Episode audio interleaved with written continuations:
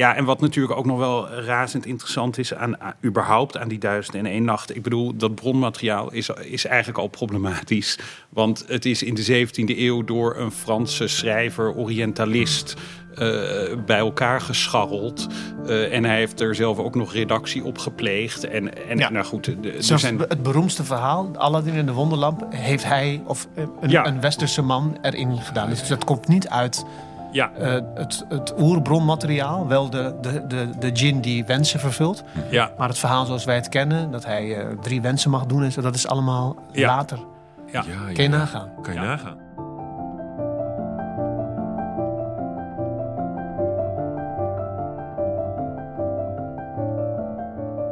Welkom bij Op de Planken, de nieuwe podcast van het Internationaal Theater Amsterdam. We voeren gesprekken over theater en de maatschappij en hoe ze elkaar beïnvloeden, inspireren en niet zonder elkaar kunnen. Mijn naam is Richard Kovi, ik ben programmeur bij ITA en de host van Op de Planken. Het concept is als volgt: de podcast staat in het teken van een voorstelling en iemand uit het artistieke team van die voorstelling is mijn co-host. Samen nodigen we een gast uit met wie we graag in gesprek gaan en die dagelijks te maken heeft met de thematiek van onze voorstelling. We zitten hier gezellig aan het Leidseplein, in de studio helemaal boven in ons theater en op de achtergrond hoor je zachtjes de regen tegen het zolderraam aantikken. In deze tweede aflevering is mijn co-host niemand minder dan acteur en theatermaker Sadetin Kermisius. Zou je jezelf even kunnen voorstellen voor onze luisteraar? Ja, hallo. Ik ben eh Sadetin. Ik ben acteur en theatermaker. Ik eh, ben artistiek leider van Sadetin K, een stichting die in het leven geroepen is om mijn voorstellingen te produceren. Ik maak autobiografisch werk waarin ik mijn, nou, mijn eigen leven en de figuren rondom mijn leven gebruik of leen voor verhalen en voorstellingen, vaak verhalende monologen over maatschappelijke thema's eh, zoals eh, migratie, eh, sociaal-maatschappelijke kwesties, et cetera. Perfect. En we gaan het vandaag hebben over de voorstelling 1001 Nacht, eh, gemaakt door de toneelmakerij. Jullie eh, in een goede rol daarin. Eh, hele toffe voorstelling. Ik heb de tweede try-out gezien, heel erg van genoten. Toen we je vroegen of je iemand wilde meenemen voor dit gesprek, wilde je Paul Knieriem graag meenemen. Waarom? Nou, waarom? Waarom Nou, eigenlijk? eh, Paul is de regisseur van Ja, de voorstelling. Paul is een, een, een verwante maker met Ja. wie ik al een aantal keer heb samengewerkt. En waar we wel vaker dingen mee gaan doen, denk ik. Mhm. Mag ik wel zeggen, hardop.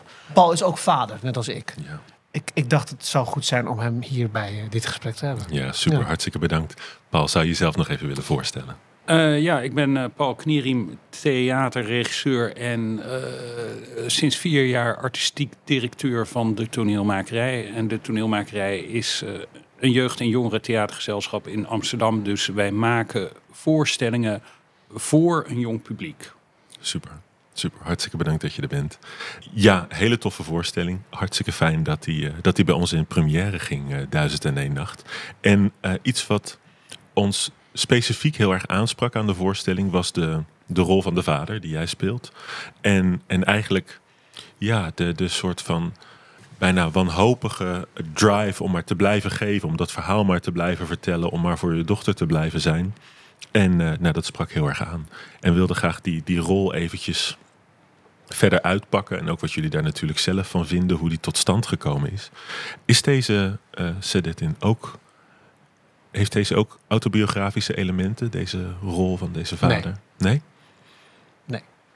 Dit is meer gewoon uit jullie. Is een eh, personage. een personage, ja. Kijk Paul aan. Paul, Paul die nou, kijkt een beetje bedenkelijk. Nee, nee, nee, nee, nee, nee. Dat, dat is eigenlijk zo. Kijk, de ontstaansgeschiedenis van deze voorstelling. eh, wij wilden graag een voorstelling samen maken eh, voor de grote zaal, voor een jong en breed publiek. En ehm, nou ja, dan begint het in mijn geval ook heel vaak bij de titel. Mhm. Ik bedoel, op het moment dat je zo'n voorstelling echt eh, eh, breed wil verkopen, heb je een titel nodig die, die, die resoneert of die iets doet bij mensen. En daar kan je mee spelen. eh, eh, en, en eigenlijk vanuit die titel zijn we begonnen. En toen zijn we tot dit concept gekomen. En in tegenstelling tot andere voorstellingen van, van Sadetin heeft dit in die zin niks met zijn leven te maken. Nou zeg ik niks. Ik bedoel, als acteur breng je Tuurlijk, natuurlijk altijd je persoonlijke Ja, ervaringen mee. Maar het is niet in die zin een autobiografische voorstelling. Nee, Nee, precies. maar in zekere zin de, de keuze voor het stuk, Ja. zeker wel, absoluut. Ja, precies. Je zegt de keuze voor het stuk en dan de keuze voor die duizend en één nacht. Ja, ja, Ja. dat heeft zeker wel iets met mij te maken. Ja, precies. Kun je daar iets over vertellen? Hoe heb je die gehoord? Wat, we- nou ja, hoe, de- nou, hoe je dat kijk, er, vertelt? zit- er zitten heel veel verhalen in die in bepaalde vormen overgeleverd zijn. Ook. Mhm. Dus die, je, hebt, je hebt die verzameling verhalen die, eh, die we kennen als in boekvorm. Maar er staan ook verhalen in die ja, eh, van mond tot mond worden overgegeven. Dus de personages in die verhalen eh, zijn in eh, bepaalde vormen tot mij gekomen. Eh, Ja, ja. Maar ook figuren in die verhalen. Dus eh, eh, in ons stuk zitten djinns. Ja, eh, ik ben opgegroeid in een omgeving waar er constant over dat soort dingen werd gesproken. Waar geesten eh, aanwezig zijn in het dagelijkse leven. Dus eh, mijn vader heeft echt nog spookverhalen uit het dorp in de bergen in Turkije. Waar hij opgroeide dat er in dat bos slopen de djinns rond, zeg maar. Oh, Dus ja, ja, ja. ja. in die zin is dat niet vreemd voor mij. Maar ik wil niet beweren dat ik eh, aan mijn, eh, dat, dat, mijn, dat mijn moeder aan mijn bed zat en eh, even de duizend en één nacht opensloeg en vervolgens daaruit. Dat, dat gebeurde niet. Dat ben ik later zelf gaan doen. Maar figuren uit. Dus er zitten een in een aantal verhalen komen echt historische figuren voor. Ja, daar, daar, daar eh, heb, ik, heb ik zeker iets mee, absoluut. Ja, tof, tof. Ja, dat was eigenlijk mijn, eh, mijn volgende vraag geweest. Van de manier waarop die rol zich ontwikkelt eigenlijk... en die maar wil blijven vertellen en blijven geven... dat, dat sprak iets heel universeels volgens mij, eh, volgens mij aan. En, en ja, ik ging ook meteen terug naar de verhalen die mijn vader me vroeger vertelde... en een beetje die relatie en, Hm. en hoe dat dan allemaal was. En... en nou ja, mag ik daar naar vragen voor je? Hoe, hoe, je, je noemt net die gins die al, ja, die zeg maar in jouw jeugd ook eh, Ja. verhalen, waar verhalen over gingen. Ehm, vertelde jouw vader je veel verhalen vroeger? Mijn vader, mijn moeder, mijn oma, mijn opa, tantes.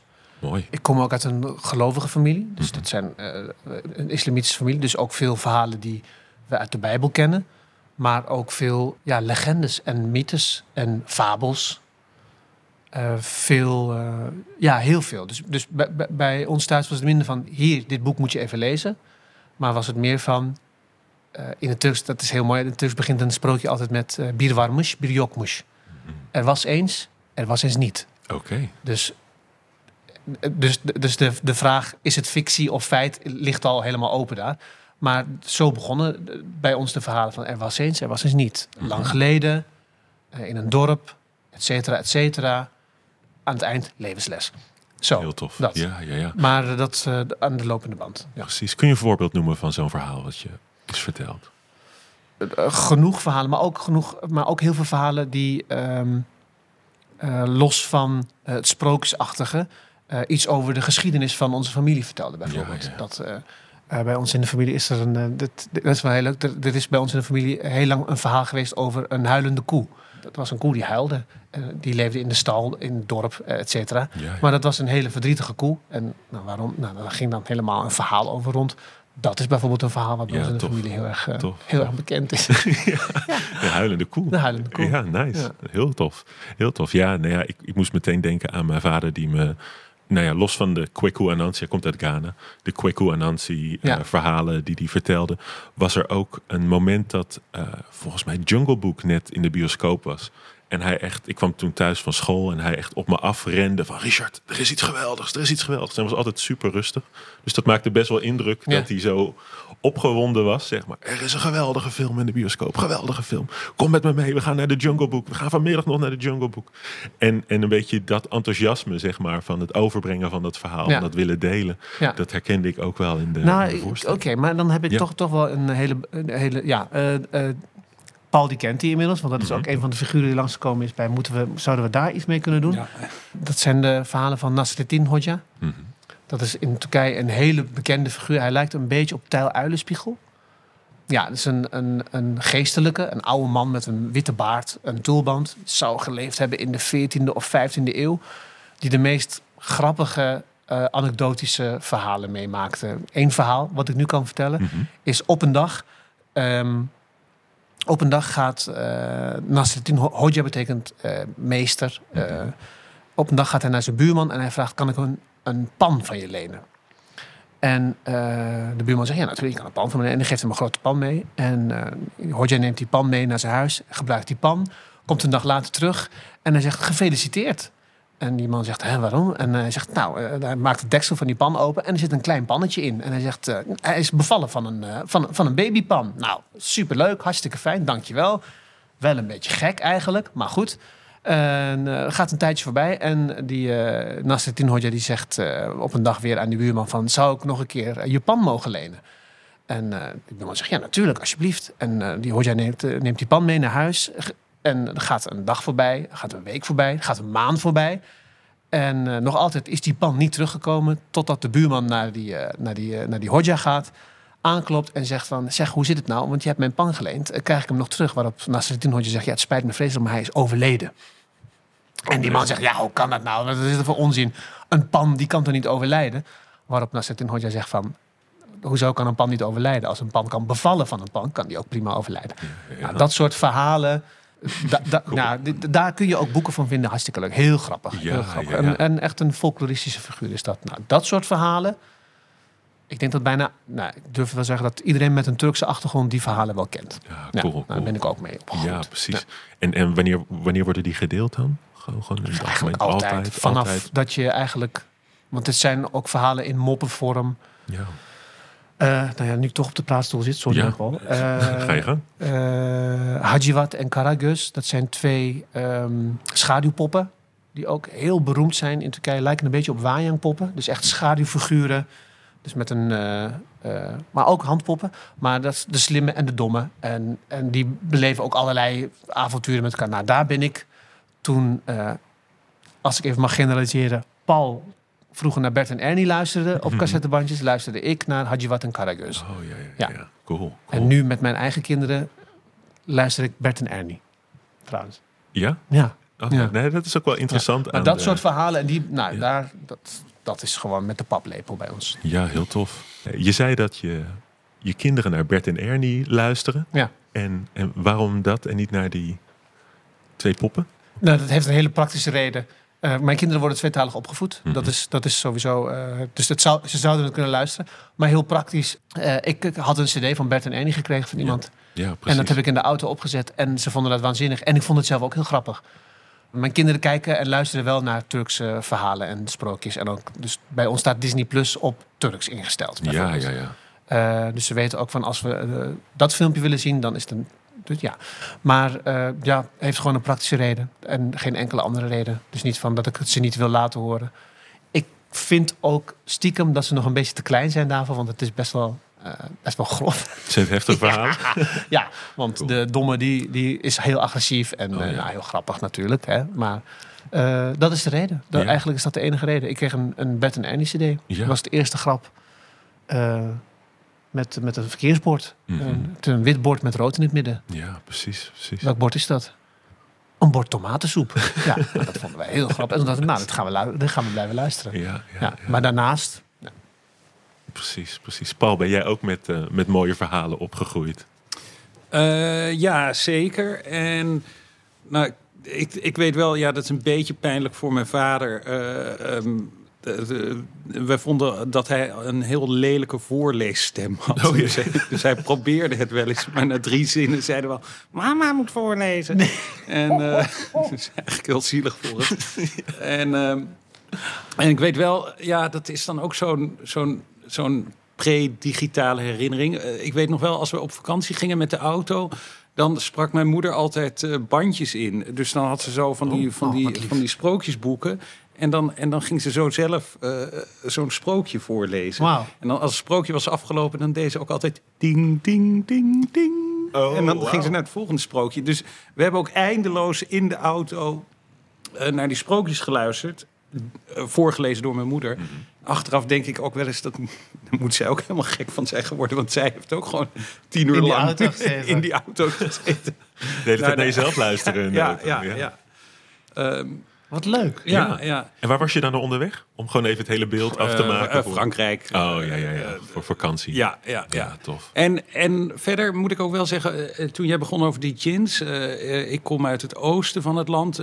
Eh, wij hadden bijvoorbeeld wel de witte wief. Zeker, die hadden wij ook. En, en, en, en, geesten in het bos. En, eh, dus, dus, dus die wereld, eh, die Ja. tussenwereld, die was eigenlijk ook wel bij ons. eh, Ja, Aanwezig. Precies. En hoe is jullie, ehm, eh, wanneer is jullie samenwerking eigenlijk begonnen? Want jullie werken al best wel een tijd. Ik weet het nog heel goed. Ja. Onze samenwerking is begonnen. was dat bij Hamlet? Ja, Ja. ja, ja.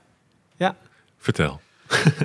Eh, eh, eh, ik was net afgestudeerd aan de regieopleiding op, in Amsterdam op de theaterschool. En ik kon daar toen bij het lab in Utrecht een soort van onderzoeksperiodetje doen. En toen heb ik een soort van bewerking van Hamlet geschreven voor jongeren. En daar had ik Claudius, geloof ik. Ja, ik weet niet. Nou, en, en, toen Het was ging in ieder geval geen Hamlet. Nee, en, en, toen, dacht, eh, en, toen, ja, en toen ging ik aan een scènetje werken. En toen heb ik Sadet ingevraagd. En eh, ja, waar kenden we elkaar van? Eh, ja, Via Tim. Via Tim. Een ja, klasgenoot van mij, ja, goede vriend van jou, et cetera. zo. Dat was de eerste keer. Ja. En, en daarna ja, elkaar gezien in voorstellingen. Uh, heeft ook veel bij de toneelmakerij gespeeld. Ook toen ik daar nog niet werkte. Ja, ja. Of toen ik daar af en toe werkte. Ehm, ja, en op die manier Ja. zijn we ook een beetje samen opgegroeid in het theater, zou Ja. je kunnen zeggen. Zo, zo, zo is het. Ja. Ja, tof. En, en hoe was het voor jou om met de verhalen van Duizend en één Nacht te werken? Nou, kijk, de, eh, eh, ten eerste vind ik het als regisseur altijd wel interessant eh, om, om, om, om iets, eh, een- een- een- iets, te- iets te nemen uit een cultureel gegeven en, en, en, en je daartoe te verhouden. Dus ik heb eh, een voorstelling gemaakt, een moderne bewerking van, van Hamlet, eh, de toverfluit eh, van Mozart. Eh, Ik heb een voorstelling over het poppenkastgenre gemaakt. Dus ik vind het eigenlijk heel erg leuk om je te verhouden tot een, tot een culturele traditie. En ook het problematische heel vaak van dat soort verhalen. En met die duizend en één nachten eh, heb ik best wel lang gezocht naar hoe, je, hoe ik me daartoe moest verhouden. Eh, eh, je wil eh, enerzijds eh, die culturele traditie eer aandoen. En anderzijds eh, zit er ook best wel wat problematisch in, in, in, in het bronmateriaal als je, als, je er, als je erin duikt. Dus dat kost eigenlijk best wel tijd en, en ook om je in te lezen en om daar ook je, je persoonlijke standpunt over te bepalen. Ehm, en dat doe je door er met andere mensen over te praten. Ja, Maar ja, dat, daar, daar moet je denk ik heel zorgvuldig in te werk gaan. precies, precies. Hoe was het voor jou, Sadetin, om samen met Paul naar die problematiek of naar, die, naar datgene wat, wat schuurt aan de Duizend en één Nacht verhalen, om daar naar te kijken, om dat uit te pakken samen? Ja. ja, hoe was dat? Ja, volgens mij prima. Ja. In, in die zin dat, dat, dat ik inmiddels best wel gewend ben om over dat soort dingen te praten met mensen. Ook om te zeggen van, kan dit wel? Of dit moeten we anders doen. De rest van de cast heeft er natuurlijk ook eh, Precies. aan, aan, aan meegedaan. Wat heel tof was, vond ik, eh, was dat we ehm, voor de zomervakantie met z'n allen, bij wijze van kennismaking, maar ook een beetje veldonderzoek naar de Efteling zijn geweest. Waar de Fata Morgana Ja, staat. ja, ja. Die uiteindelijk een rol is gaan spelen in het Mhm. stuk. Want in de auto zit dat gezin. eh, en dat meisje is, even heel grof gezegd, eh, iets woker dan haar ouders. Mhm. En die zegt, het kan eigenlijk echt niet, hè, die Fata Ja. Morgana. En die ouders hebben zo van, nou, nou eigenlijk toch, nou, ja, nou zeg, gewoon hartstikke leuk, toch? Maar dat heeft bijvoorbeeld wel zo op de achtergrond bij ons zo meegaan van... we moeten ervoor zorgen dat het dat niet is. En aan de andere kant ontkom je ook niet aan sommige beelden. ja. Dus je moet ook op het moment dat je een gin-koning maakt... moet je ergens ook eerlijk zijn en zeggen... ja, hij moet dan wel een witte baard. Want het Ja, is wel ja. de koning van de wolken. Je wil dat even gezien hebben... om dat vervolgens steeds meer af te, af te breken. Maar eh, dat heeft wel eh, in een aantal gesprekken... heb- nou ja, we hebben het daar wel echt wel over gehad. Van, kan dit anders? Zouden we dit wel moeten doen? Eh, wat ik heel tof vind, is dat het heel diffuus is in de zin van mannen die vrouwen spelen, vrouwen Ja. die mannen spelen. Eh, eh, even kijken, Denise, Denise Asnam, actrice, speelt twee rollen. Het zijn allebei mannen die ze Ja. speelt. Ja, ja, precies. En dat is helemaal niet een probleem of wat dan ook. Maar ik vind dat dus wel, ook dat speelt dan ook mee, vind ik. Ik vind dat ook wel heel belangrijk om te kunnen doen. Naast van, we moeten kijken, uitkijken voor stereotypering. We moeten ook durven zeggen, nou, we gaan het gewoon helemaal opengooien. Eh, waar Paul echt wel een hele grote rol in heeft gespeeld ook. Want eh, ik had dat niet bedacht op die manier. Ja, ja, ja. zo. Maar ja, hoe als- dat was, als- ja, dat zijn gesprekken die je aan de ene kant niet wil voeren, want je denkt van, ja, het is toch wel duidelijk. Ja. En aan de andere kant zijn er gesprekken die je moet voeren, omdat ze anders misschien eh, ondergesneeuwd raken of wordt het genegeerd of wordt er niet op gelet. Ja, dus je precies. wil Dat zijn van die dingen waar je bewust mee om wil gaan. Ja. Zeker naar je, naar je Ja. publiek toe. Paul, wat wilde jij er nog aan toe? Ja, nou ja, ik, ik- kijk, ik vind het heel interessant om eh, in het werk te zoeken naar hoe je eh, eh, de- de- dat soort onderwerpen niet kan problematiseren, maar het juist als een vanzelfsprekendheid kan, kan presenteren. Dus inderdaad, eh, dat, dat Denise een. Duidelijk een, een jongen speelt die verliefd wordt op een prinses. Eh, het zijn ook twee meisjes op het toneel die, Ja. die op elkaar verliefd worden, zonder dat dat, Ja. i- eh, zonder dat, dat iets is verder. Precies, Eh, precies. En, en, en zo geldt het ook voor die verhalen. Ja, en wat natuurlijk ook nog wel razend interessant is aan, aan- überhaupt aan die duizend en één nacht. Ik bedoel, dat bronmateriaal is, is eigenlijk al problematisch. Want het is in de 17e eeuw door een Franse schrijver, Orientalist, eh, bij elkaar gescharreld. Eh, en hij heeft er zelf ook nog redactie op gepleegd. En, en Ja. nou goed, de- de- Zelfs zijn... het beroemde verhaal, Aladdin en de Wonderlamp, heeft hij of eh, een, Ja. een westerse man erin gedaan. Dus dat komt niet uit Ja, eh, het, het oerbronmateriaal, wel de, de, de, de djinn die wensen vervult. ja. Maar het verhaal zoals wij het kennen, dat hij eh, drie wensen mag doen en zo, dat is allemaal Ja. later. ja. Ja, Kun je ja. nagaan. Kan je Ja. nagaan, precies. Maar en, en überhaupt die verzameling van verhalen. Ja, daar zijn bibliotheken over volgeschreven. Wat nou de oorsprong is van Ja. al die verhalen. En, ja, en, en daar zitten natuurlijk ook allerlei, allerlei dwarsverbanden tussen die verhalen. En heel veel van die verhalen komen in bepaalde varianten voor. t- In verschillende volksculturen. Ja, ja, Dus eh, het is ook, ook, ook dat. Het is eigenlijk een lappendeken van. Van, ja, van culturele tradities zou je kunnen Ja. zeggen. Die geïnterpreteerd eh, door een eh, geïnterpreteerd. Franse, ja, ja, ja. ja. en vervolgens ook weer omgezet naar het Arabisch. Nou ja, goed. Dus Precies. Ja. precies.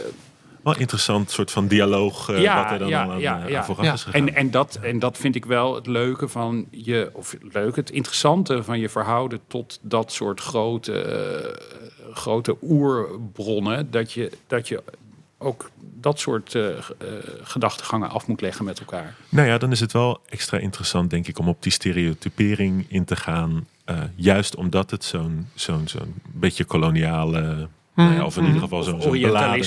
Ja, precies zo'n beladen ja. verleden heeft. Zeker. om, om dan dat alsnog te Ja, soort ja er zitten bijvoorbeeld passages in die we, die we een beetje gekuist hebben. Mhm. Eh, over die koning bijvoorbeeld. Eh, dat, want in, het, in het, eh, het bronmateriaal, die koning die ziek geworden is van... Nou ja, waarom die ziek geworden is... Hij heeft zijn vrouw, heel, heel kort door de bocht... maar hij heeft zijn vrouw betrapt tijdens een orgie. Mhm. Dat is dus hoe het geschreven staat. Hè? Dus Ja. dat is niet een interpretatie van ons... maar hoe het dan overgeleverd is... en wat uiteindelijk die Franse schrijver ook heeft gebruikt. een, een orgie met 40 moren. Ja, ja, ja. En hij eh, eh, is daar gewoon gek van geworden. En hij laat elke nacht een maagd bij zich brengen om haar na die nacht te laten onthoofden. En toen zei een van de spelers van, is dit wel iets wat we anno nu op deze manier... Ja. En zo letterlijk stond het er niet, maar het werd wel heel erg geïnsinueerd. Van hij laat elke nacht een meisje bij zich brengen om hem gezelschap te houden. Nou, dat is wel een gesprek wat we, wat, wat we moesten voeren. Van, oh ja, is dat wel, is dat wel oké eigenlijk? Om, om bij te dragen aan het beeld van die oude, vieze Oosterse man... die Hè, lekker met een meisje en dan kop eraf. Nou, eh, dat is wel een gesprek wat eh, even op gang moest komen. Want de ene is daar wel mee bezig en de ander denkt... oh ja, nu je het zegt. Dus dat is wel iets waar we eh, wat aan hebben gedaan. Ja, ja, ja. Waar je, want ja, je wilt toch dat beeld... eh, en, nou ja, en oude vieze mannen heb je overal natuurlijk. Maar eh, sommige dingen zijn tegenwoordig iets politieker Ja. dan eh, andere dingen. Nou ja, en ook de verhouding tussen die Ja. meisjes en die oude vieze man dan. Ja. Ja. En, eh, Ja. Om dan toch ja, dat soort Ja. commentaren van die gender... eh, Ja. Want was dan precies, precies. Ja. Maar, maar ook de, het, het beeld dat in, het, eh, in, de eerste vorm van die koning was toch, toch een beetje een oudige. Ja, wat stond er nou? Hij, hij, hij zag er heel wit uit, alsof hij, heel, alsof hij het heel koud had. Ja, Ja. maar als hij heel, heel wit eruit ziet, ja, dan denk je niet, hij heeft het koud. Dan denk je aan een oude witte man. Ja, ja, die een meisje... Nou, nou zo, Mhm. et cetera. En wat ik heel tof vond, eh, qua... Nou, niet qua stereotypering, maar om het blondmateriaal eer aan te doen... was dat een van de speelsters, Bita... Mhm. Die zei eigenlijk op de eerste lezing zei ze meteen van... ik vind het heel belangrijk dat de namen correct worden uitgesproken. Ja, Want er zitten ja, ja. Perzische namen tussen, Turkse namen, Arabische namen. En daar hebben we echt eh, heel erg ons best gedaan. Dus het is niet Scheherazade, zoals wij Mhm. eh, in het Westen dan zeggen. Eh, in het Turks is het ook weer iets anders. Maar in het Perzisch is het Shahrazad. Nou, dat is dus echt iets wat we van... oké, we doen het. We gaan dat gewoon doen. En daar gaan we op oefenen. En we zorgen ervoor dat het er goed uit... zodat we niet op zijn minst al de namen van de personages eh, verkeerd uitspreken. Dat we kunnen tof, voorkomen. Heel tof. Zullen we even naar een fragment luisteren van Ja. de voorstelling? Ja, tuurlijk weet ik wel een verhaal. Ja, er zijn duizend en één verhalen. Gewoon, gewoon iets wat ik heb meegemaakt. Ja, als ik een begin heb, gaat het vanzelf. Eh, op een dag. Nee. Eh, dit en... Nee. Dit en... Nee. Zus en zo. Ja. nou, toen. En, eh, en toen... Nee. Op een dag. Toen en toen. eh, nee. dit... Eh, Er was eens. hè? Wat? Nee, ja, een goed verhaal begint met eh, er was eens. Wat? Wat? Wat? wat? Er, er was eens wat? Ja, dit, dit kan van alles zijn. Ja, ja, ja. Maar ik weet niks. Is het voor, eh, is het voor haar, voor, eh, voor uw dochter? Ja, mijn dochter. Ja. Ehm, ja, dan, dan, dan zou ik eentje nemen met een meisje in de hoofdrol. Eh, er was eens lang geleden hier ver vandaan een meisje dat net zo slim en dapper was als jij. Oké, oké, ja, ja, Ja. ja, ja, ja, Ja, ja, ja. ja, ja. En, en, en wie is dat dan? Ja, dit, dit- dat weet ik niet, dat moet ik kiezen, ja toch? Ehm Sneeuwwitje. Nu, het is een beetje raar, eh, vindt u niet? Ja, ja. ja ik, ken wel een verhaal met een meisje, maar... ja, zoals, zoals. ja, ik zou natuurlijk Scheherazade kunnen nemen, maar... Oh, Scheherazade. Scheherazade. Scheherazade, ja, ja. ja. Zij was slim en dapper, ja. ja, Ja, maar zij is ook van duizend en nacht. Ja, dus dat dus, is, eh, wat, wat.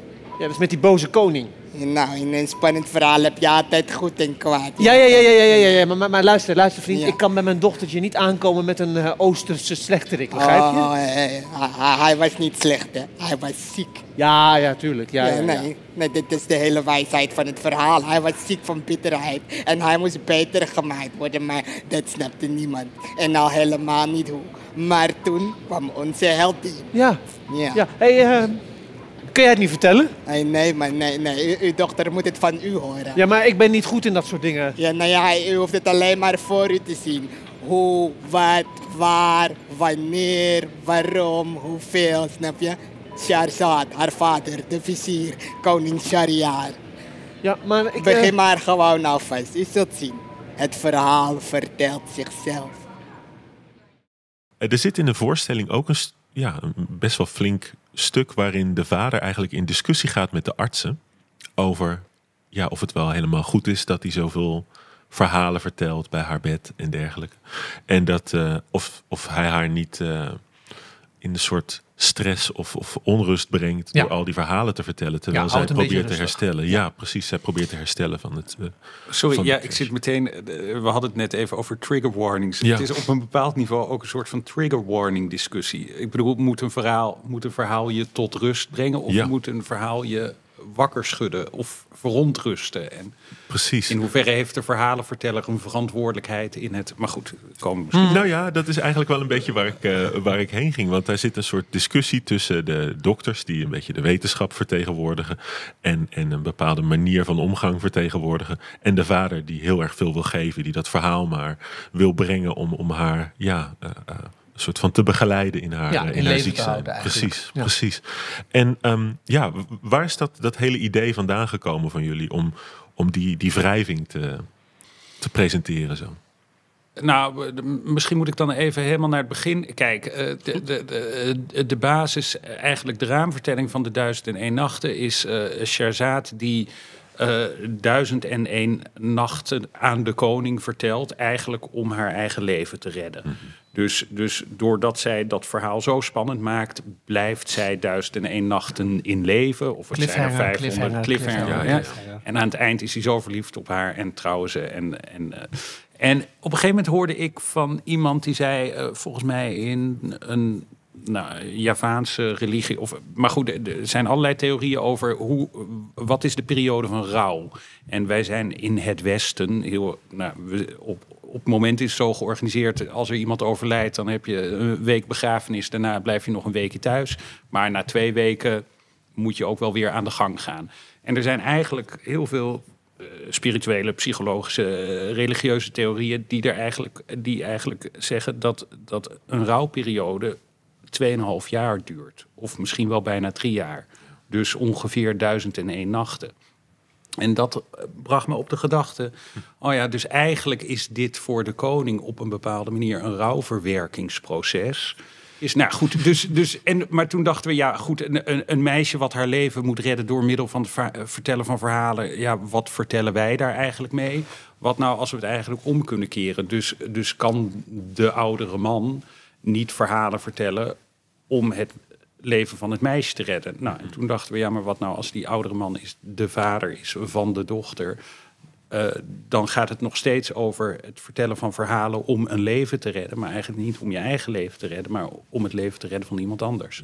Eh, wat die vader ook meteen een enorme noodzaak en drive gaf. Dat, eh, dus het is voor de vader werkelijk een kwestie van leven en dood. Om die verhalen te blijven vertellen. Ehm, en die artsen zijn ook bezig met leven en dood, maar op een ander niveau. Dus dan heb je conflict. Ja, en, en, en, je, en als regisseur of als maker denk je ook heel pragmatisch. Hoe, hoe, hoe creëer je conflict in een verhaal? Hoe maak je een verhaal spannend? Hoe zorg je ervoor dat er iets op het spel staat? Ehm, en, nou, en, dan, en toen dachten we, oh ja, maar wacht, als, als we toch in zo'n IC-achtige omgeving zijn, daar heb je natuurlijk ook protocollen en, en, en ideeën over hoe een patiënt te behandelen. Eh, en, en dat kan natuurlijk mooi botsen met, met een soort van oerdrang, die, die ook niet helemaal te verklaren is in, in, een, in een westers eh, perspectief. Eh, ja, en dat botst, vind ik ook mooi met. met met een aantal van die artsen. En overigens, dat vond ik wel interessant. Een van de acteurs heeft ook stage gelopen op de IC. En de, de twee. En hij sprak toen ook met de twee. Volgens mij zijn dat internisten die aan het hoofd van een IC staan. Die hadden daar ook tegengestelde eh, opinies over. Dus de ene internist zei: Ja, nee, het is heel belangrijk, ook als een patiënt in coma ligt, dat je wel met hem blijft spreken, dat je verhalen vertelt, vertel wat je hebt meegemaakt. En de andere internist zei: Nee, maar goed, maakt, eh, Oh, je, je kan vertellen wat je wil, eh, moet je ook vooral doen als het je helpt. Maar de patiënt krijgt er niks van mee. Ja, en dat is super interessant dat ook eh, daar ze er eigenlijk nog niet echt uit zijn wat nou goed is om te doen. Nou ja, en leuk dat, dat dus uit, het, uit die stage, toch bij, ja, de, bij de ja, internist. ja, stage heeft een dagje meegelopen. nou ja, bij, die, bij, die- bij Snu- meelopen, dat precies dit, eh, ja, dit naar wel boven heel kwam. intens, hè, wat hij ja, vertelde. ja, Ja? ja, Oeh, ja, ja, ja. ja, Ja. wel echt intens bij slecht nieuwsgesprekken geweest. Oh, wauw. Ja. Ja, ja. En dat was echt ter voorbereiding van deze Ja. rol.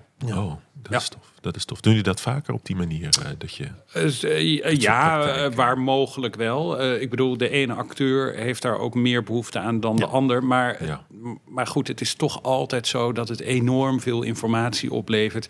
Ik, eh, ja, ik, ik probeer toch ook altijd op een of andere manier het repetitielokaal zoveel mogelijk open te stellen voor de echte wereld. En dat betekent niet dat Jan en Alleman de hele tijd eh, ongevraagd binnen kan lopen. Maar, maar wel dat je de hele tijd probeert te toetsen wat je aan het maken bent. Welke Ja. connectie dat heeft met de wereld. in- Ja, of dat, en of het geloofwaardig Ja, is dan ja, en of het geloofwaardig is, ja, ja. heel cool. Heel cool. Tof. Hebben jullie nagedacht over wat jullie wilden vertellen over eh, vaderschap in het algemeen, over modern vaderschap, vader zijn in deze, in deze tijd? We, hebben niet gedacht, we willen een voorstelling maken over modern vaderschap. Nee, dat begrijp ik. Eh, maar dat zit er wel in, want ja. we zijn vaders. Precies. ja. Eh, dus, dat, dus je stopt in die zin van, is het autobiografisch, die vraag die je stelde? Ja, ik, ik eh, wat ik heel erg, tenminste als ik mag, Paul, maar wat ik heel erg herken aan die vader, ook in mezelf, is het helemaal, eh, ja, eigenlijk alles opofferen eigenlijk. Ja, ja. Eh, ik voor mezelf heb echt een, eh, een markering in mijn leven, maar ook in mijn werk. eh, voordat ik vader werd, nadat ik vader Mm. werd. Mijn vaderschap speelt een enorm grote rol in mijn werk tegenwoordig. Ook in wat het betekent om een vader te zijn. Wat het betekent om vader van kinderen met een gemengde achtergrond te zijn. Dus mijn kinderen hebben mijn achternaam, hebben een Nederlandse voornaam, worden tweetalig opgevoed. De ene lijkt heel erg op mij. eh, donkere ogen, krullen, nu niet, maar eh, vroeger wel. Maar die heeft echt een grote krullenbos. Dus bij hem denk ik echt zo, oh jee, die gaat echt dingen meemaken die ik ook meegemaakt heb. En bij de andere, ehm, ik heb nog een, ik heb drie kinderen. eh, en mijn dochter is hartstikke wit. Echt wit. Eh, white passing heet dat. Ja, maar het is ja. gewoon eh, witte huid, blauwe ogen, blonde haren. Als ik zou zeggen dat is de dochter van mijn buurvrouw, zou je denken, ja. Maar ik, ik, ik heb hen. In mijn werk komen zij veelvuldig voor. Maar ook in de, de shift, de shift in, mijn- in, in, mijn, in mijn werk. Zodat het echt een andere, een andere perspectief heeft gekregen daardoor. Ja, dus dat zij zo bepalend zijn voor mij. En nou, ook voor de vader in het, in het stuk. Ja. Ja, heel herkenbaar. Maar ook de kracht van het verhalen vertellen. Dus de kinderen krijgen altijd een verhaal voordat ze naar bed gaan. De oudste leest nu zelf. Maar met hem heb ik het ook over. Weet je wat je moet lezen? De Hobbit, dat is leuk. Dus hij leest nu De Hobbit Ja. eh, op mijn aanraden. En dat vindt hij fantastisch. Wat ik heel fantastisch vind. Ja, ja, ja. Eh, en de, de, de jongste is nog te klein om, eh, dus die leest vooral, leest niet, maar die krijgt vooral vormpjes en kleurtjes. Maar eh, mijn dochter, daar lees ik ook aan voor. En die heeft ook echt de favoriete verhaaltjes en de favoriete boekjes. En dat zijn Nederlandse en Turkse verhaaltjes. Ja, dus, die, ja. dus de kracht van verhalen, ja, eh, extreem herkenbaar. En tegelijkertijd ben ik me ook heel erg bewust van, ja, ik ben een vader in de 21ste eeuw die denkt dat hij een fantastische vader is, die fantastische dingen doet. En alle dingen die, ja, ik doe het helemaal, ik doe helemaal mee. Maar aan de andere kant heb ik een vrouw die wel alle mental, eh, een mental load op zich neemt. Zoals, hé, hey, we moeten een BSO vinden, vriend. Ja. Heb je nagedacht over inschrijven voor de basisschool? Eh, oh, oh ja, oh ja, oh ja. Dus ik ben vooral aan het leren. Ja. Maar eh, in het stuk is het ook natuurlijk de moeder die bedenkt van... luister, Ja. jij moet dit doen, want anders gaat zij ook dood. Ja, ja, ja. Dus in het stuk verschijnt de moeder als geest aan hem. En ze zegt, hou haar in leven. En hij zegt alleen maar, ja, hoe, hoe dan? Hoe? En zij zegt, je moet, hem, je moet haar een verhaal vertellen om haar, om haar in leven te houden. Dus dat gaat hij dan doen. Dus eh, ja, modern vaderschap, heel herkenbaar. Maar zonder moeder of Precies, partner, Ja, ja, ja, ja, eh, ja. ook een heel ander verhaal. Ja, ja. Interessant dat je dat ook noemt van eh, dat je bij een, een van je kinderen met de krullen denkt van oh, die gaat een paar dingen meemaken die ik heb meegemaakt. Ja, enorme projectie, hè? Ja, ja. Ook omdat de tijd natuurlijk wel veranderd is sindsdien. Ja, maar hij, eh, ik heb Citizen K, zo'n voorstelling Mhm. over, eh, nou, die, die is een lijst van 254 punten waarin ik eh, eigenlijk een opsomming maak van alle momenten dat ik werd geconfronteerd op positieve of negatieve wijze met mijn eh, Turks-Nederlandse eh, achtergrond. En hij vroeg op een gegeven moment, waar gaat die voorstelling over? Want hij is negen en hij ziet dat Ja. affiches hangen en hij vindt het ook wel cool. Papa speelt in het theater. En ik vertelde hem waar de voorstelling over ging. En hij, waar de voorstelling over ging. En hij, ik, ik zei, ja, is het, eigenlijk is het een lijst van alle dingen Ja. die ik meegemaakt heb, omdat ik eruit zie zoals ik eruit zie. En hij vroeg, Hé, hoe bedoel je? En ik zei, ja, nou dit en dat, nou zus en zo, eh, discriminatie, Ja, ja, beetje ja. voorzichtig. En hij keek me aan en hij gaf me een knuffel, Oh. omdat hij het zo erg voor mij vond. Ja, En hij zei niet zoals ik had gevreesd. Ja, herkenbaar. En Hmm. eh, ja, heb ik helemaal niet. Want hij gaat in school, eh, naar school in de Jordaan. En heeft allemaal gemengde ah, vriendjes. En die is dat en die is dat. En die spreekt die taal. En hij spreekt die taal. Maar hij vond het heel erg zielig voor mij. ja, En helemaal niet wat ik had gedacht. ja. Dat hij dat, dus hij is met hele andere dingen bezig. Wat ook een troost is. En tegelijkertijd eh, blijf ik eh, projecteren natuurlijk op Ja, precies. Ja. Is het dan ook wel eens iets dat je, dat je zegt of waar je hem voor voorbereidt, waarvan je denkt, ja, eigenlijk is dat meer iets wat mij ooit geraakt heeft, maar Ja, we hebben laatst wel, we hebben laatst wel, eh, laatst wel een gesprek gehad dat als iemand ooit zoiets tegen jou zegt, Hmm. dan hoef je dat absoluut niet te accepteren. En Ja. je mag altijd zeggen dat je dat erg vindt en dat je dat niet pikt. ja, Ja. ja, Wat ik niet geleerd heb, hè? nee, Wat ik geleerd heb is mond dicht, incasseren, erboven staan. Hmm, Dat. ja. Is dat ook iets wat je hebt toegepast zo? Of heb je... Ja, En het heeft heel lang geduurd voordat ik daarvan afkwam. ja, ja, ja, ja. Ja. ja, Ik herken Eigenlijk tot ik kinderen kreeg. Ja, echt? Ja. Oh, oké. Pas vanaf dat moment dat ik echt zei, ik vind dit niet... eh, wat een heel ander gesprek ineens. Nou ja, maakt niet Maar- uit. Ja. Maar wel, ja, eigenlijk vanaf dat moment dat ik dacht van ja, ik kon er vroeger ook om lachen en zo, Mhm. als een soort schild. Ja, Van, ja, pff, dus ja, als ik erom kon lachen, kun jij mij geen pijn doen met grapjes over wat dan ook. ja. Maar op een gegeven moment dacht ik, ja, maar nu heb ik een kind. En die gaat, hè, als het goed is, mij als voorbeeld, ik maak aanhalingstekens, Mhm. zien. Maar wat voor voorbeeld geef ik dan eigenlijk als ik... Dus dat, dat, dat, eh, dat is echt veranderd. Maar dat is dus nu nou, bijna tien jaar geleden. Ja, wat bijzonder dat je ook eh, dan anders voor jezelf bent gaan opkomen eigenlijk sinds je kinderen, Ja. sinds je kinderen hebt. En ik herken heel erg wat je, wat je noemt met dat projecteren ook wel. Mijn vader is eh Ghanese, opgegroeid in, in nou ja, Ghana, daarna naar Engeland toegegaan, waar hij ook heel veel racisme, discriminatie heeft meegemaakt. Hij was al wat ouder. En ehm, dat hij me ook, toen was ik heel jong, was volgens mij zes of zeven, dat hij me vertelde eh, van ja, Richard, je moet altijd je nagels netjes hebben, je moet je haar netjes Ja. hebben, altijd er goed uitzien. Precies, precies. Want als iemand je dan een vieze N-woord Ja. noemt, eh, dan weet je dat je niet vies bent. Juist. En dan moet diegene een racist zijn en dat is dan je vijand. Dus dat werd me heel erg ingeprint. Waardoor je echt op je zevende al iets hebt van oké, blijkbaar zit ik een beetje in een violent wereld waar ik vijanden heb blijkbaar. En dat is toch ook, ja, eh, dat, dat echo toch door als je dan bepaalde dingen tegenkomt. En tegelijkertijd heb ik nu dus altijd mijn nagels netjes. Ja. En mijn, ja, Mhm. dat is ook zoiets geks wat je dan toch overneemt. Of toch eh, heel erg veel invloed eh, Ja, blijft hebben. Ja, ja.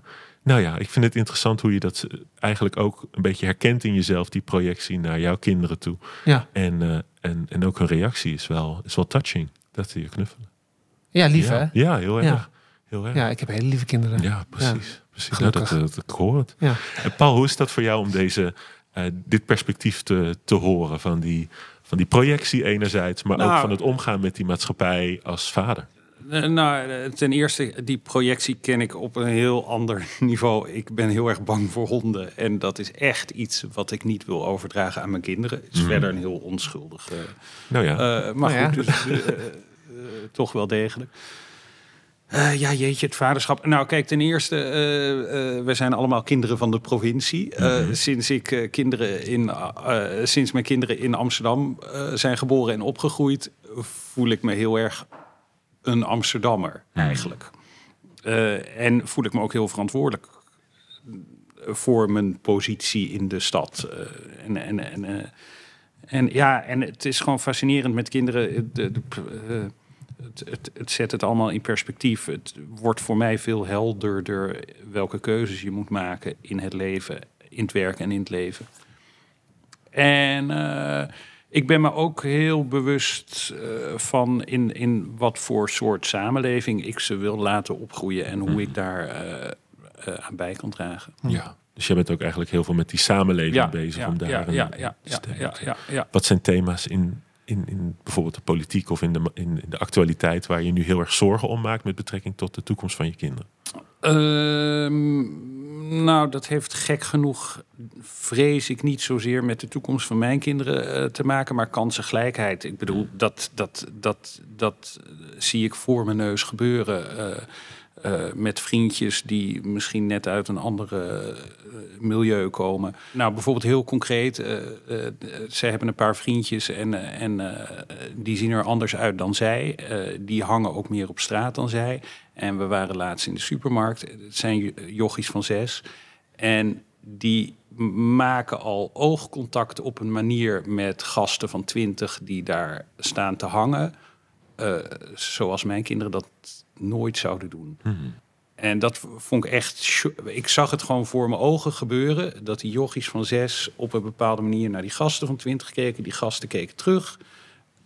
Eh, en, en daar gebeurde iets. Ja, En daar gebeurde iets tussen die kinderen en die gasten. eh, wat niet met mijn kinderen gebeurde. Herkende je het? Wat daar gebeurde? Of voelde je meer van hier zit Nee, ik, ik zag het. Ja. Ik, ik zag het. Ik observeerde het. Hmm. Eh, nou, dat was wel, dat vond ik een, in die zin een aangrijpend moment. Omdat ik dacht, oh ja, zo, zo gaat het dus. En op zo'n jonge leeftijd eh, gebeurt het ook al. Ja.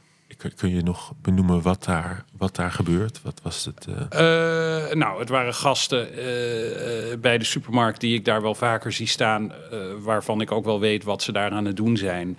Hmm. En die waren die jochies al aan het uitchecken. ja, Ja, ja, ja. eh, je ja, kan het mooier maken dan het is. Nou ja, ik, Ja. ik denk dat we nu begrijpen. Ja, Ja. begrijp wel wat, eh, wat je bedoelt. Ja. Ja. Ja, ja, Nou ja, mooi dat, je dat, mooi dat je dat vertelt. Dat je ook een soort bezorgdheid hebt naar de Ja. context waarin ze, waarin ze ja, Ja. bestaan. Dat, ja. Ja. zeker, zeker. Nou, ehm, we hebben ook nog een vraag van onze vorige gast, Maria Ja. Kaakman. En die, eh, die wilde graag van, eh, van jou, maar ik maak er nu jullie van, weten wat je zou hebben gedaan als je geen theatermaker was geweest. Als je niet hier in, dit, in deze sector werk had of niet je weg daarin had gevonden. Wat was een andere keuze die je in je jeugd had? Of een andere passie of een andere interesse? Ik wil heel graag zeggen onderwijzer of zo, maar ik, Mhm. ik denk eigenlijk, want ik heb deze vraag eerder onder ogen gekregen, dus ik heb er een dag over gehad, om, een dag voor gehad om over na te denken. Maar ik denk dat het niet zo goed met mij was Hmm. gegaan, denk ik. Ja. Ik, ik denk eh, dat ik, eh, ja, ik, nou, hè, verhalen vertellen om, eh, om iemands leven te redden. Nou, in die zin ook dit autobiografisch. Ja, Ik vertel verhalen wat ik mijn werk gemaakt heb. Eh, als ik dat niet had gedaan, dan had mijn leven er eh, een stuk minder roos, rooskleurig uitgezien, denk ik. Ja. Ja. Want het ging op het moment dat ik in aanraking kwam met theater, ging het met mij niet zo goed. Mhm. Dus het was ook een, een leraar, ik weet nog heel goed, meneer Van Mierlo, leraar Engels, die eh, zei, is eigenlijk ook puur uit een soort opportunisme. Mijn middelbare school heeft een hele grote traditie van schooltoneel. Mhm. En aan dat schooltoneel is verbonden een groot schoolfeest. En ik kon kaartjes krijgen, vrijkaartjes voor dat schoolfeest, zei hij, als ik eh, toneelknecht zou zijn voor het toneelstuk. Dus dat was dan decor afbrengen en zo. Maar Ja. ik kreeg wel vrijkaartjes. Eh, en daardoor dacht ik, hé, hey, wat leuk dit eigenlijk, wat hier gebeurt. En toen heb ik voor het jaar daarna meegedaan. Het jaar daarna ook weer, het jaar daarna ook weer. En dan kunstbende en dan audities en dan toneelschool. Ja. Oh, wauw. Ja, Wat, maar wat dat deed hij omdat het, eh, ik was aan het spijbelen. Het ging niet goed op school. Het, eh, ik had nou, de verkeerde vriendjes. Ik was Hmm. vaker daar dan daar, et cetera, et cetera. Dus ik denk, als dat niet was gebeurd, dan, ja, dan had ik misschien op een hele andere plek gezeten. Ja, Ja. precies, precies. Goh. En jij, Paul? Eh, Paul ook. Ja, nou, in zekere zin. Daar kennen ja. Paul en ik elkaar. Nee. Eh, nee, eh, ja, ze- ja, mijn moeder die, die, die dacht altijd dat ik later diplomaat zou worden. Maar Oh. eh, dat gaat ook niet meer gebeuren. Maar ik zit er wel eens over te denken of, om, om het over een echt totaal andere boeg te gooien. Iets wat bijvoorbeeld de sociale advocatuur, dat is iets wat me altijd nog steeds heel erg fascineert. Dus ik zit er wel eens over te denken om misschien gewoon te stoppen op een gegeven moment. Oké. En dan de Oh sociale jee. advocatuur in te gaan. nee, ja, nee, waarschijnlijk ook niet. Nee, ehm, nee. Je speelt ja, met de gedachten, dat is het. Ja, ik speel met de gedachten. ja, Ja, precies, precies. En als kind niet een soort andere passie nog gehad waarvan je denkt... Nee, nou, nee. eh, nou ja, ik kom wel uit een omgeving waarbij het kunstenaarschap op geen enkele manier vanzelfsprekend was. Eh, Volgens mij kennen we dat ja, voel je. ik voel je. Eh, dus, dus, dus dat is vooral mijn zoektocht geweest. En ik was op alle mogelijke manieren bezig met, eh, met hoe ik me creatief kon uiten. En daar ook vooral gefrustreerd over zijnde dat dat, dat niet iets was waar je je geld mee kon verdienen. Eh, nou, en het tegendeel blijkt waar te En zijn. toen lukte het toch? Precies, hartstikke leuk. Eh, hebben jullie nog een vraag voor de volgende gasten? We weten nog niet helemaal zeker wie dat is, maar... Ik heb wel een, ik heb wel Ja. een vraag. Eh, de vraag is, eh, wanneer is het klaar? Oh, oh ja, dat is een mooie. Wanneer is het je klaar? carrière bedoel je? Nee, hè, gewoon je werk. wat het ook is. Wat, Oh, wat is, de het ultieme, kunstwerk. wat is Oh, het ja. ultieme doel? Ja, is, het, ja, ja. is, het, is er een moment dat je een voorstelling maakt of speelt dat je denkt, klaar, Ja, dit was het? Gaat nooit gebeuren natuurlijk. nee. Ik heb die vraag ook wel eens aan mezelf gesteld. En ik ben bang dat ik tot het eind der tijden doorga tot ik op een gegeven moment niet meer kan. Dat lijkt mij heel erg kloten. Er moet toch een moment Ja, zijn ja, dat je ja. denkt van... dit is gewoon, het is gewoon, het Dit- oeuvre is afgerond. Het is klaar, ik kap ermee. Wanneer is de dat, is dat, bestaat dat? Is er een moment dat het klaar kan zijn? Mhm. Dat is de vraag. Hele mooie vraag. Goh. Nou, ik wou dat er nog tijd was om die nog eventjes helemaal uit te pakken met z'n drieën. Dat is er helaas niet. Maar ik wil jullie hartstikke bedanken voor dit fijne gesprek. bedankt Ja. dat jullie hier eh, naartoe gekomen zijn. Geen dank, jij bedankt. We zijn hier met niet zoveel mensen, maar mag ik een hartelijk applaus voor Paul Kniering en. Dank jullie wel.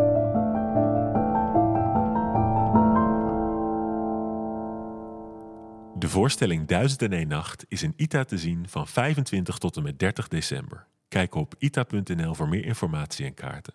En kom met je hele gezin kijken.